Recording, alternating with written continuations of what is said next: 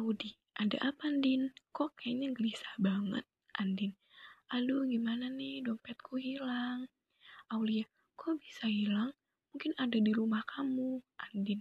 Gak mungkin, tapi aku ingat kok dompetku sudah kumasukkan ke dalam tasku. Tiba-tiba Aldi memotong pembicaraan mereka, mereka dengan laga sok tahu.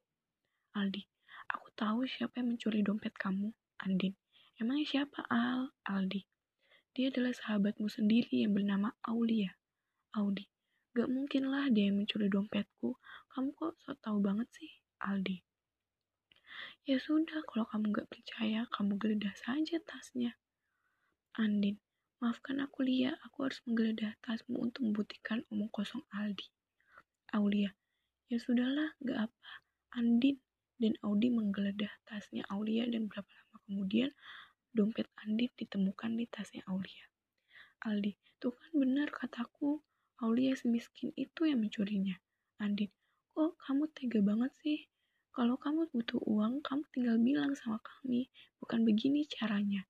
Selama kami selama kami selalu membantu kamu, tapi kamu kok tega banget, Aulia. Tapi bukan aku yang mencurinya.